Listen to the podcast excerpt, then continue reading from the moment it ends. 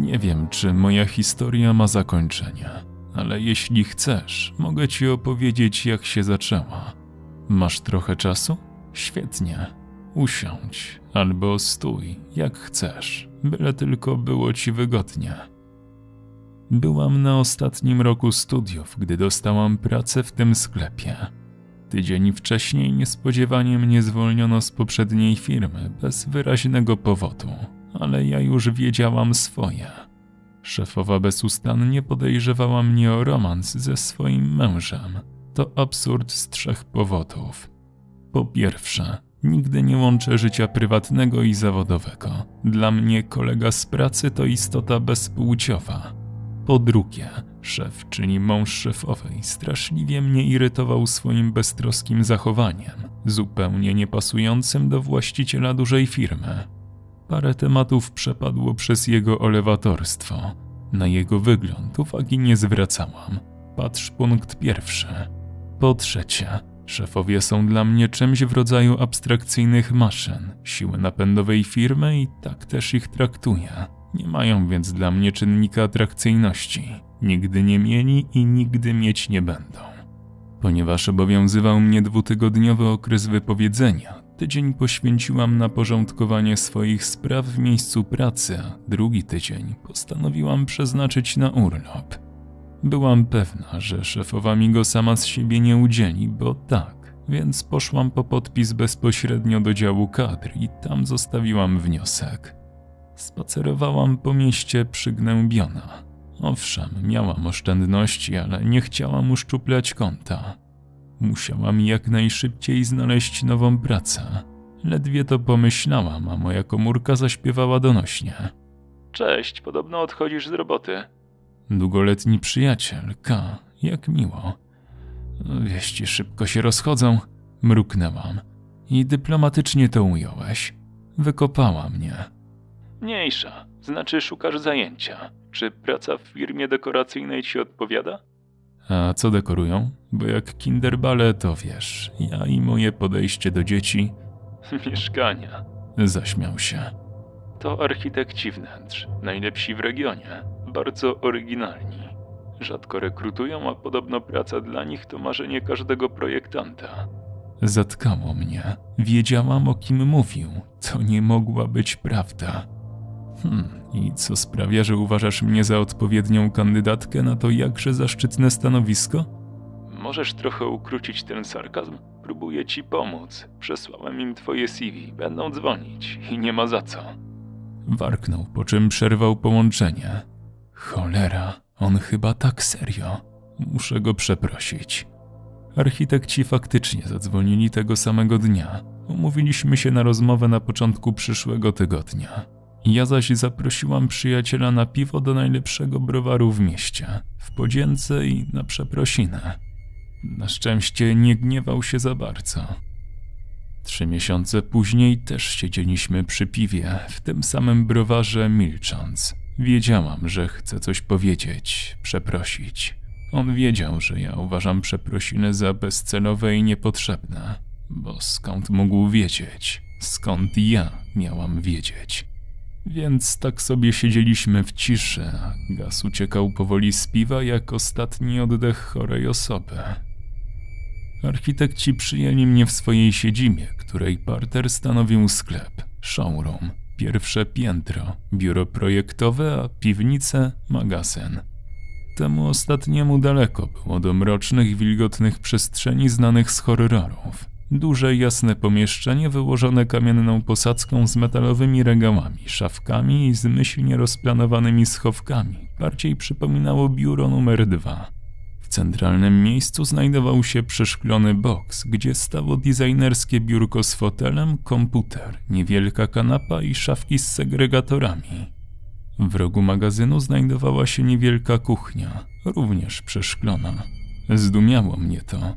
Pomieszczenia socjalne były i w sklepie, i w biurze, bo tam były potrzebne, ale tu? Pracownik magazynu zawsze mógł wejść te dziewięć schodków na górę, by zrobić sobie kawę w showroomie. Architekci, jakby czytając w moich myślach, wyjaśnili. Często przeprowadzają rozmowy z klientami tutaj, gdzie oglądają oni swój najnowszy nabytek, nierzadko dosyć sporych rozmiarów. Nie ma sensu taszczyć na przykład fotela na górę. Przychodzą więc tu, piją kawkę, załatwiają formalności. To tłumaczyło porządny wygląd magazynu. Powiedzieli mi też, na czym ma polegać moja praca, ponieważ, o dziwo, zostałam przyjęta. Mam przychodzić codziennie od 9 do 17 i zajmować się umówionymi klientami. Dopóki ich nie ma, obsługiwać osoby zainteresowane asortymentem, które wpadną do showroomu z ulicy, przyjmować paczki, ale ich nie rozpakowywać. Pracownik magazynu przychodzi trzy razy w tygodniu i to on zajmuje się sortowaniem oraz układaniem paczek. Do tego dbać o aranżację i wygląd showroomu. Także wybierać nowy towar zgodnie ze stylem architektów. Duże zaufanie. Zamawiać go. Pomagać im w wybieraniu elementów wyposażenia wnętrz. I najważniejsze, niezwłocznie informować, gdy przyjdą lub zadzwonią klienci z segregatora na specjalne zamówienie. Przejrzałam go już pierwszego dnia mojej pracy. Idealnie uporządkowane tabelki z nazwiskami, numerami telefonów, datą oraz nazwą, numerem, opisem i wartością produktów, jakie zamówiono. Zszokowały mnie ceny tych przedmiotów. Każdy z nich miał obok specjalną adnotację. OOAK, One of a Kind. 1 na 10, czyli 1 z 10. Drugi z 5. MFAR, Made for a Request. Architekci pokazali mi plik w komputerze i objaśnili skróty, zaznaczając, że zwykle aktualizują spis sami, ale czasem może się zdarzyć prośba, bym uzupełniła to za nich. Wszystko dokładnie podadzam, bym nie musiała się męczyć. Byli naprawdę inni od wszystkich znanych mi do tej pory pracodawców.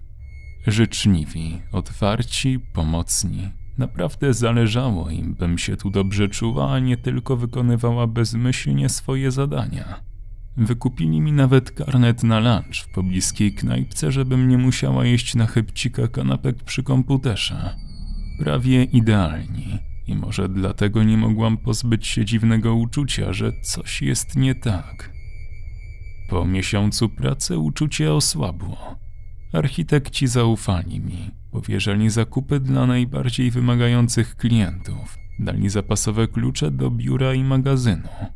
Z początku rozmowy ze specjalnymi klientami przeprowadzali sami, za zamkniętymi drzwiami, ale potem zaczęłam im towarzyszyć. Spotkania te nie wyróżniały się niczym szczególnym, oprócz przedmiotów, wokół których kręciły się rozmowy. Czasem nowych, czasem antycznych, zawsze kosmicznie drogich. Pytania i odpowiedzi. Czy spełnia pańskie oczekiwania? Wizualnie tak, zobaczymy jeśli chodzi o funkcjonalność. Jeśli jest tylko jeden, nie ma gwarancji, wymiany ani zwrotów. Wie pan, serwisowaniem i reklamacją sprawa może być nieco skomplikowana.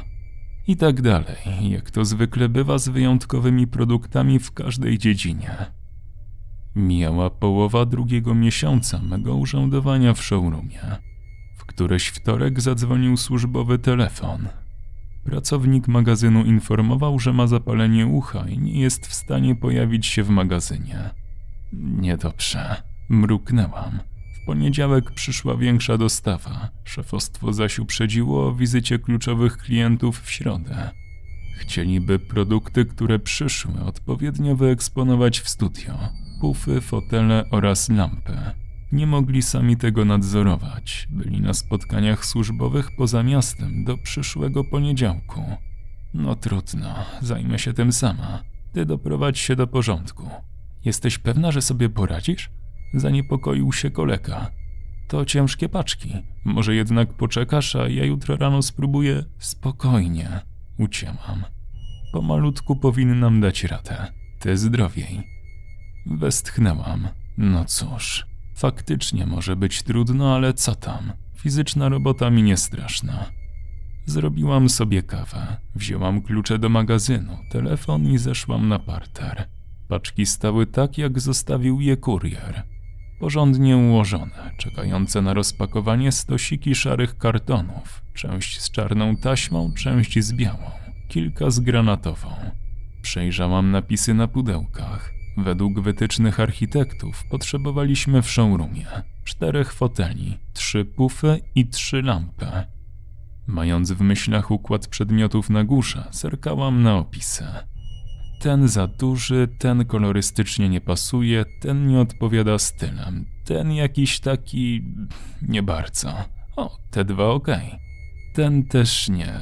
Co to ma być? Jezu, to chyba na specjalne zamówienie. Ten też spoko. Hmm, ten na bank nie. Krowa wielkości połowy powierzchni. O, ale ten się nada. Taki fajny kontrast będzie. Wybrawszy fotele, wzięłam się za pufę. Tu sprawa była prosta, natomiast przy lampach miałam lekką zagwozdkę. Cały showroom urządzony był tak, by przypominał wnętrze mieszkania w stylu industrialno-loftowym z paroma elementami kontrastującej klasyki. Nadawało mu to interesujący, eklektyczny klimat. Łamałam sobie głowę, czy lepiej będzie dobrać lampy bardziej klasyczne, czy bardziej nowoczesne. Mieliśmy i takie, i takie. Weszłam na górę, by ocenić proporcje pomiędzy jednymi a drugimi. Zdecydowałam, że wezmę jedną białą, kryształową w stylu nieco barokowym. Oczy wyszły mi z orbit na widok ceny detalicznej tego cacuszka i dwie w surowym skandynawskim stylu. Jedną gołą żarówkę Edisona zamkniętą w drucianej klatce. Nie w moim guście, ale co tam. Jedną niemalże steampunkową Miedziane, gdzie niegdzie muśnięty zielonkawą śniedzią abażur lejek z wielkimi nitami i olbrzymią, ale o niskiej mocy żarówką, której włókna, nawet zgaszone, miały intrygujący złotawy odcień. Ostatnia lampa nie miała załączonej faktury ani WZ. To akurat nic niezwykłego. Czasem dostawcy dosyłali dokumenty architektom mailem. Problem dla mnie o tyle, że nie wiedziałam, jak ją wciągnąć w rejestr zatowarowania. Ani symbolu, ani nazwy modelu, ani cenę. No trudno, wpisałam lampa i poszłam aranżować pomieszczenie. Pełna dumy omiotłam wzrokiem sklep. Barokową ślicznotkę umieściłam w kąciku buduarowym, strzał w dychę, żarówkę w klatce w kąciku jadalnym. Pasowała, jakby tam zawsze wisiała. Steampunkowe dzieło w kąciku relaksacyjnym idealnie wkomponowało się w resztę przedmiotów fotela w kolorze burgundowym, gdzie sadowili się klienci, surowego drewna stolika i regałów na książki, ciemnego metalu nóg mebli. Niedaleko stało moje biurko, gdzie spokojnie wstukiwałam faktury, składałam zamówienia, odbierałam telefony. Lubiłam patrzeć na kącik relaksacyjny. Klienci też go lubili, dlatego tam ich usadawiałam, gdy byli zmuszeni chwilę poczekać. Miedziana lampa dopełniała całości. Podeszłam do włączników, przycisnęłam. Showroom rozbłysł różnymi rodzajami światła, od chłodnych po ciepłe, od jasnych po przytłumione. Iskry zatańczyły w kryształach kloszy, promienie odbiły się od metalowych abażurów i rozproszyły w drewnianych osłonach. Trzy nowe lampy świeciły zachęcająco. Kochałam tę robotę. Kilka godzin później zawitał do nas niezapowiedziany kluczowy klient – Pan ambasador. Zachowałam kamienną twarz, chociaż z trudem ukryłam zaskoczenie. Zwykle dzwonił albo do biura, albo do architektów. Mieliśmy czas przygotować przedmioty, które potencjalnie mogły go zainteresować, a tu wtopa. Niech się pani nie przejmuje. Wpadłem po prostu zobaczyć, co nowego macie. No i nie ukrywam, trochę odpocząć w miłym towarzystwie. Zaśmiał się jowialnie. Ambasador był trochę po pięćdziesiątce, wciąż przystojny, wysoki i elegancki. Zaproponowałam mu kawę i usadziłam w kąciku relaksacyjnym, wręczywszy przy okazji tablet z naszym nowym katalogiem i spotem promocyjnym. Dodałam, że gdyby był łaskaw wyrazić swoje uwagi, byłaby to nieoceniona pomoc. Nie zaszkodzi trochę się podlizać. Facet zostawiał u nas kupę szmalu. Ambasador z chęcią przystał na propozycję. Obserwowałam go bez zaangażowania z kącika jadalnego, podczas gdy ekspres mozolnie mienił ziarna kawę. Wiesz, jak to jest, gdy musisz na czymś zatrzymać wzrok, ale tak naprawdę wcale na to nie patrzysz? No właśnie. Więc gapiłam się. Myśli uciekły mi gdzieś daleko, Ambasador uważnie oglądał spot i wtedy miedziana lampa zamigotała. To był pierwszy raz, jeden z wielu później. Ocknęłam się. Kurde, czyżby żarówka nawalała? Nasze wszystkie lampy stanowią jeden organizm, więc gdyby była jakaś awaria prądu lub spięcie, zamigotałyby wszystkie. Ale nie, tylko ta miedziana. Cholera, szkoda byłoby takiej ładnej fabrycznej żarówki. Wpatrywałam się intensywnie w lampę. Nic. Świeciła pięknym, bladozłotym światłem, idealnym do relaksu, ale nie usypiającym. Ambasador dalej oglądał spot, jakby nigdy nic. Ekspres piknął. Kawa gotowa. Ustawiłam filiżankę na tacy wraz z cukrem i ciasteczkami. Wtedy lampa zamigotała znowu. Omal nie upuściłam wszystkiego, co trzymałam. W mrugnięciu lampy zauważyłam jakieś cienie. Jakby coś stało za fotelem i pochylając się, patrzyło ambasadorowi przez ramię. Potem spojrzało na mnie. Porcelana zadzwoniła na tacę w rytm moich drżących rąk. Ambasador podniósł głowę. Coś nie w porządku, moja droga? Zaprzeczyłam z uśmiechem, chociaż w ustach poczułam suchość. Co to za zwidy do diabła?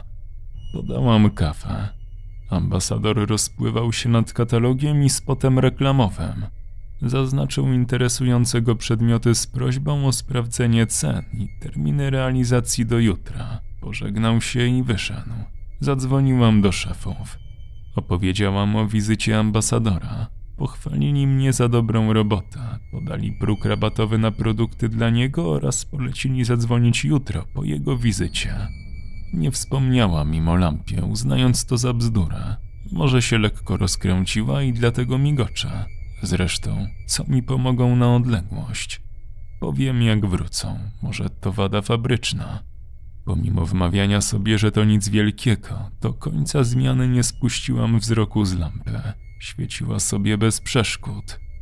Następnego dnia od rana było pochmurno. Lubię taką pogodę, bo wtedy wyraźnie widać przez szybę wystawową nasze piękne oświetlenie w sklepie. Przyszłam, włączyłam światła, jak zwykle wzdychając z zadowoleniem. Cuda stworzone ręką ludzką. Przygotowałam wycenę dla ambasadora i poszłam zrobić sobie kawę.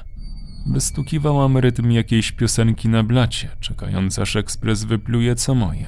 Pomyślałam, że dobrze byłoby już przygotować filiżanki i ciastka dla ambasadora. Miał przybyć za pół godziny. Grzebałam w dolnej szafce, gdy znów to usłyszałam. Z, z, dźwięk migotania żarówki. Powoli zamknęłam drzwiczki, olewając ciastka. Ciemniej, jaśniej. I chichot, cichutki, jakby za drzwi do sklepu. Nie bardzo mogłam się wyprostować nie chciałam, szczerze mówiąc. Coś mi mówiło, żeby tego nie robić. Z, z ciemniej, jaśniej, chichot. Trwało to może 15-20 sekund. Dla mnie to była cała wieczność. Wreszcie wszystko ucichło. Światło odzyskało stabilność. Opadłam drżąc na kolana. Potem poderwałam się i bez rozglądania chwyciłam kurtkę, paczkę fajek i wypadłam tylnymi drzwiami. Wypaliłam dwa papierosy pod rząd. Co się do cholery dzieje? Ambasador przybył punktualnie. Do tego czasu moje nerwy nieco przycichły, a ręce przestały się trząść. Zanim zdążyłam wskazać mu inne miejsce, z zadowolonym westchnieniem opadł na fotel pod tą przeklętą lampą. Modląc się w duchu, żeby przestała robić głupie numery, cały czas miałam ją na oku, jednocześnie pokazując ambasadorowi kwestionariusze zamówień oraz objaśniając ceny poszczególnych produktów. Podawałam kawę za kawą. Ambasador zdążył pochłonąć półtorej opakowania kruchych ciasteczek i nic się nie stało. Czy się rozluźniłam? Nie. Oczekiwałam uderzenia w najmniej spodziewanym momencie. Zmuszałam się do śmiechu z żartów ambasadora. Opisywałam mu pożądane przedmioty oraz podawałam czas realizacji poszczególnych zamówień. I czekałam. Kochanie, mógłbym przesiedzieć z panią cały dzień, jednak z żalem muszę się zbierać. Obowiązki. Uśmiechnął się. To był naprawdę atrakcyjny facet. Wyprostował plecy, przeczesał dłonią szpakowate włosy. Na opalonej skórze przykuwał wzrok ślad po pierścionku, chyba obrączce. Architekci wspominali, że ambasador był dwukrotnym rozwodnikiem. No, no. Zajrzę jeszcze koło szesnastej. Chciałbym przedyskutować sprawę tej komody ze szklanym frontem i włoskich kafelków. No i oczywiście zobaczyć panią. Puścił oczko. Minutę później już go nie było, a ja zbierałam filiżanki i talerzyki. Lampa wisiała niewinnie. Powoli zaczęłam przypisywać wcześniejsze zjawiska przemęczeniu. Oddałam się swojej pracy bez reszty. Naprawdę ją uwielbiałam. Z własnej woli siedziałam w showroomie po godzinach, porządkując zamówienia. Cały czas nic, nawet najsłabszego mrugnięcia. Wisiała i świeciła, kpiąc ze mnie w żywe oczy. Ja już nic nie rozumiem. Chwilę po czwartej w drzwiach ponownie stanął ambasador. Kluczowi klienci zapowiedziani na ten dzień już dawno wyszli, bardzo zadowoleni z załatwienia dla nich kilku rzadkich przedmiotów.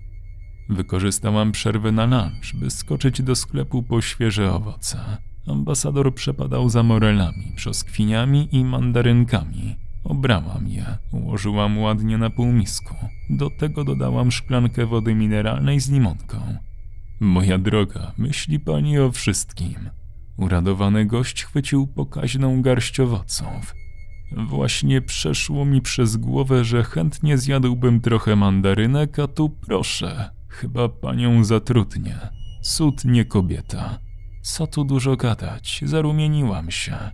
Facet potrafił być prawdziwym czarusiem. Nawet jeśli opowiadał bzdurę, miło czasem coś takiego usłyszeć. On wsuwał owoce. Ja, starając się przyjąć swój najbardziej profesjonalny ton oraz elegancką pozę, rozwiewałam jego wątpliwości dotyczące komody z drzwiczkami ze szkła weneckiego oraz ręcznie robionych kafelków. Mówiłam dosyć długo, podkreślając zalety rękodzieła włoskich mistrzów. Pod koniec sama niemal przekonałam się do kupna płytek po 25 euro za sztukę. Tak, czyli już wszystko jest jasne. Zedrzecie tu ze mnie ostatnią koszulę. Zachichotał. No, ale moja narzeczona będzie zachwycona. Powiedziałem sobie, że niech ma co chce. Wie pani, jeśli się kogoś kocha, to pragnie mu się nieba przychylić. Spełniać tyle zachcianek, ile można, byleby tylko zobaczyć uśmiech na jej twarzy. I w tym momencie lampa zamigotała. Podniosłam wzrok. Za ambasadorem stały dwie postacie, po jednej z każdej strony. Patrzyły na listę, którą on studiował. Skamieniała obserwowałam, jak powoli unoszą ręce i kładą mu na ramionach. W blasku lampy zalśniły złote obrączki na ich bladych palcach. Mrugające światło wydobywało niewyraźne detale ich sylwetek. Były to kobiety, obie ciemnowłose, bardzo szczupłe.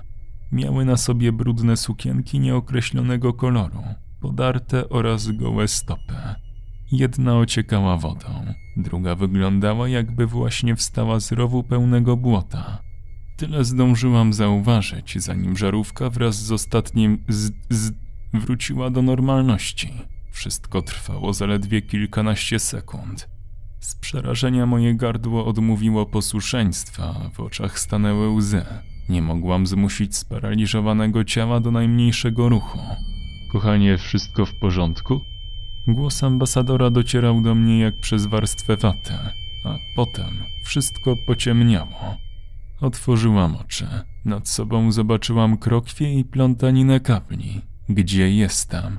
Podniosłam głowę. Leżałam na jednej z kanap w naszym showroomie. Obok na pufie przykucnął zaaferowany ambasador. Zemdlała pani. Długo nie mogłem pani docucić. Karetka już jedzie. Powiedział. Zadzwoniłem do architektów, bardzo się zmartwili. Są w drodze powrotnej. Ale po co? Przeraziłam się. Lampa. Cholera, nie mogą tego zobaczyć. Muszę im powiedzieć. A jak mi nie uwierzą, co mam do diabła zrobić? Dziecko, tak nie można. Zemdlałaś na środku pokoju z niewiadomych przyczyn. Może ci być coś poważnego.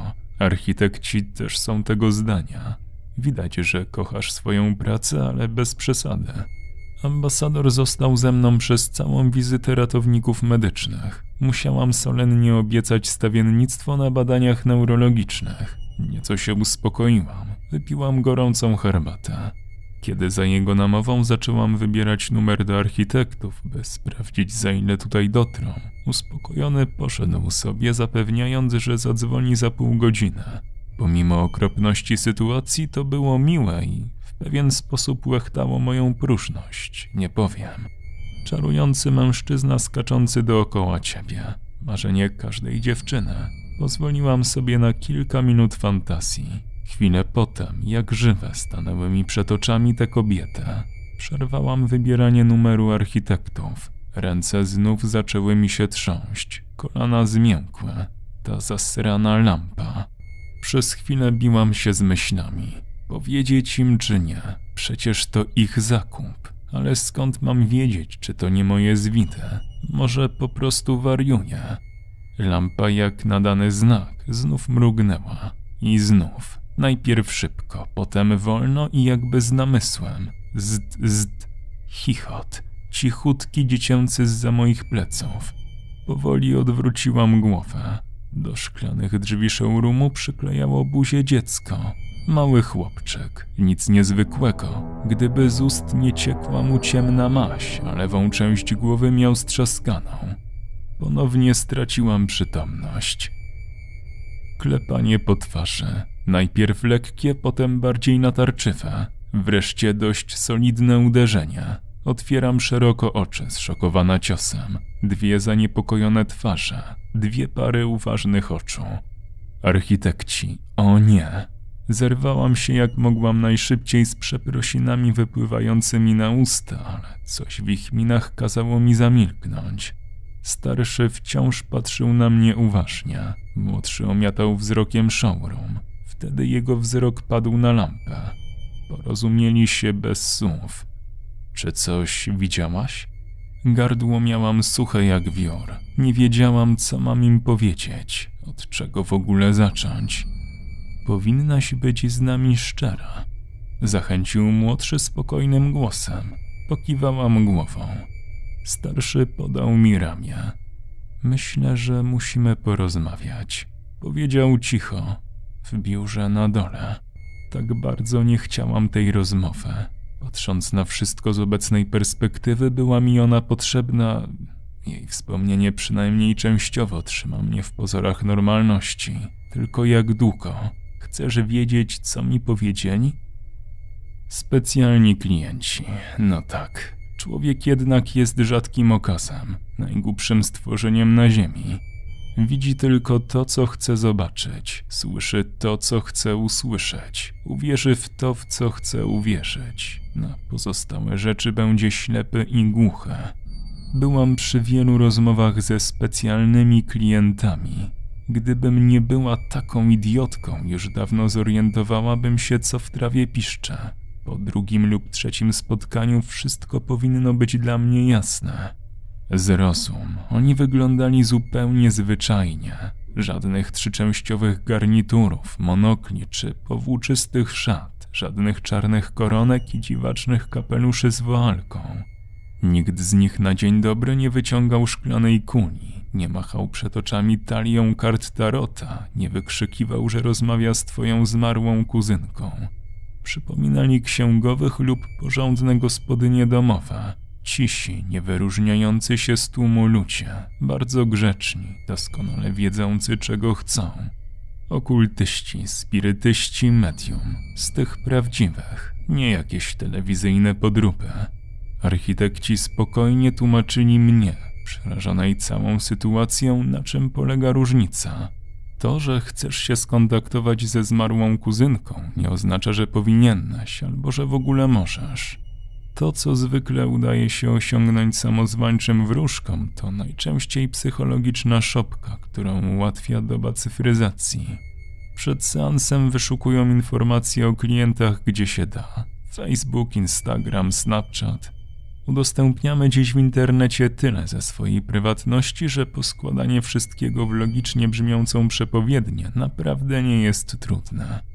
W przypadku braku informacji z sieci rzucają jakimiś ogólnikami, popartymi całkiem niezłymi efektami specjalnymi.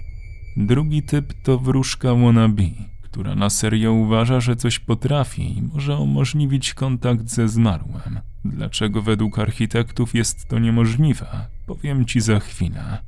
Taka wróżka może i ma jakieś zdolności, nieco większe niż przeciętny człowiek, co czyni ją tym bardziej niebezpieczną, gdyż to, z czym rozmawia, nigdy nie jest żadnym zmarłym członkiem rodziny, a groźnym bytem, który żeruje na ludzkiej rozpaczy, oszustem i pasożytem, czekającym na szczelinę w samoobronie duszy danego człowieka, by się tam wślizgnąć. Żywi się życiem, często doprowadza do samobójstwa nosiciela, Wróżki wannabe sprowadzają na swoich klientów głównie nieszczęścia.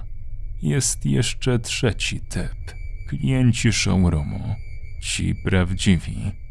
Według architektów stanowili oni coś w rodzaju służb porządkowych. Jest parę grup. Śledczy, pościgowcy, klawisze, sędziowie. Cały system penitencjarny zaświatów.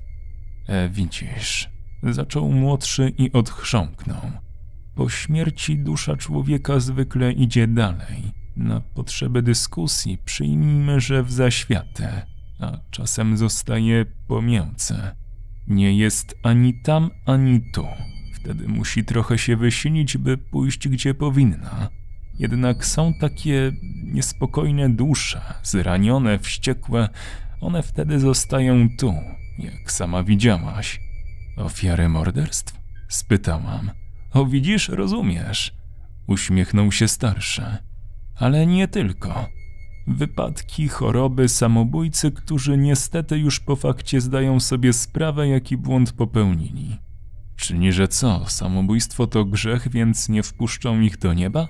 Nie, nie w tym rzecz, wzgardzili darem życia. Muszą więc posnuć się po świecie jeszcze przez ten czas, który teoretycznie był im przeznaczony.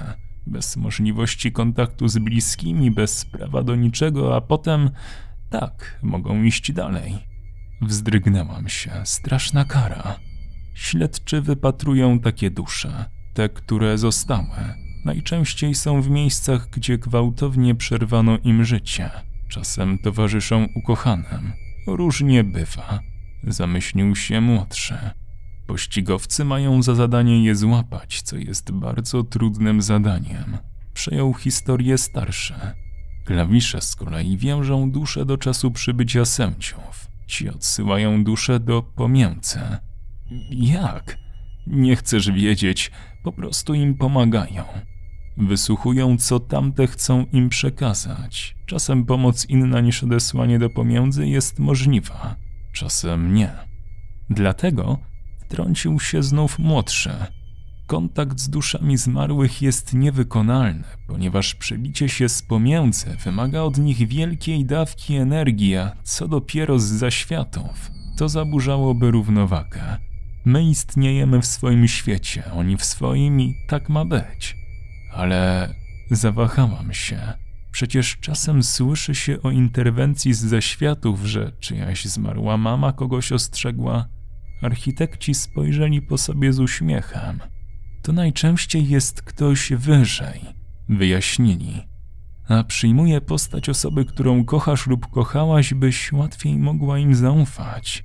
Tak, wyobraź sobie telefon. Dzień dobry, z tej strony Bóg, nie leć tym samolotem. Dorzucił młodszy. Druga hmm, strona barykady zresztą posługuje się tymi samymi technikami. Wiadomości od zmarłej babci przecież uwierzysz, choć z trudem, prawda? Czasem dusze są w stanie wykrzesać z siebie dość energii, by czemuś zapobiec lub komuś pomóc, ale tylko raz. Potem idą dalej, gdzie nic już ich z tym światem nie łączy. Spotkamy się tam wszyscy kiedyś. Spuentował starszy. Siedziałam cicho, ściskając kubek kawy obiema rękami. Z jednej strony miałam ochotę wyśmiać tę rewelację, z drugiej, jak mogłam po tym, co widziałam. Lampa, powiedziałam po chwili. Tak, westchnął starszy. To artefakt dla jednego ze śledczych. Pozwala zobaczyć prawdę. Jeśli mruga, w pobliżu jest jakaś niespokojna dusza, dodał młodszy. Pytanie tylko, jak to się stało, że ty je zobaczyłaś? Nic nie rozumiałam. Architekci powiedzieli mi wtedy coś, co prześladuje mnie po dzień dzisiejszy. Dosłownie. Czy wiesz, że każdy z nas ma zdolność widzenia tego, co niewidoczne? Troszeczkę. Za każdym razem, kiedy masz wrażenie, że coś ci miga kątem oka, że nie jesteś w pokoju sam, kiedy czujesz się obserwowany, oni tam są. Raz na sto osób zdarza się osoba bardziej wrażliwa. Raz na tysiąc taka, która widzi to wyraźnie.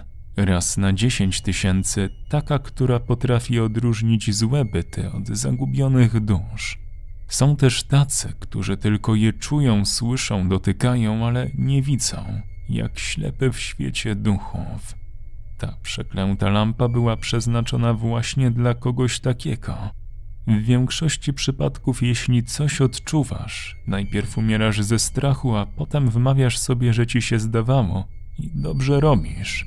Bo zrozum, jeśli ty je widzisz, one widzą ciebie i większości z nich wcale się to nie podoba, dlatego trzeba udawać.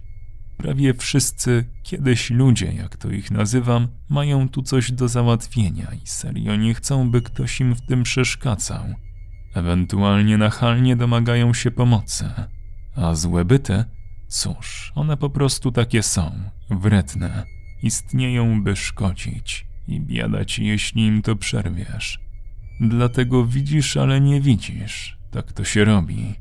Skąd miałam o tym wiedzieć? Nikt mi nie powiedział. Ani o tym, że to jest zaraźliwe. Jeśli komuś o tym opowiesz, a on ci uwierzy, wcale sobie nie pomagasz, a jest już was dwoje. Przepraszam, K. Jestem jedną na tysiąc. Zawsze byłam. Spychałam to tylko w głąb siebie. Gdy byłam nastolatką, myślałam, że jestem chora. Gdy byłam starsza, nauczyłam się ignorować, a potem nadszedł ten dzień z lampą. Oni wiedzą, że ja wiem i przychodzą. Nic mi już nie daje udawania. Szepczą, krzyczą, czasem próbują zrobić mi krzywdę, drapią i gryzą. Są ze mną w dzień i w nocy. Kobiety od ambasadora towarzyszą mi cały czas. Nigdy nic nie mówią, chociaż pytam. Nie wiem, kim są, ale się domyślam. Ale co mogę zrobić z tą wiecą?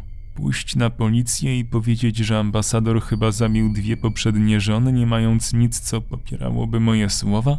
Dziecko, które widziałam, przychodzi do K. Oprócz nich są jeszcze inni. Mój przyjaciel jest na skraju załamania nerwowego.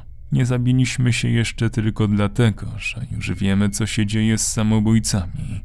Architekci obiecali pomóc, ale specjalni klienci przyjeżdżają hurtem raz na kwartał, spędzają około tygodnia w mieście lub rzadziej. Sami się kontaktują z showroomem, więc nie wiem nawet gdzie ich szukać ani jak odróżnić ich od fałszywek. Modlę się o przetrwanie, żebyśmy wytrzymali. Jeszcze dzień, jeszcze tydzień, jeszcze miesiąc. Wierzysz mi? Nie powinieneś. Autor opowiadania Midnight Tea czytał Kwadrotes.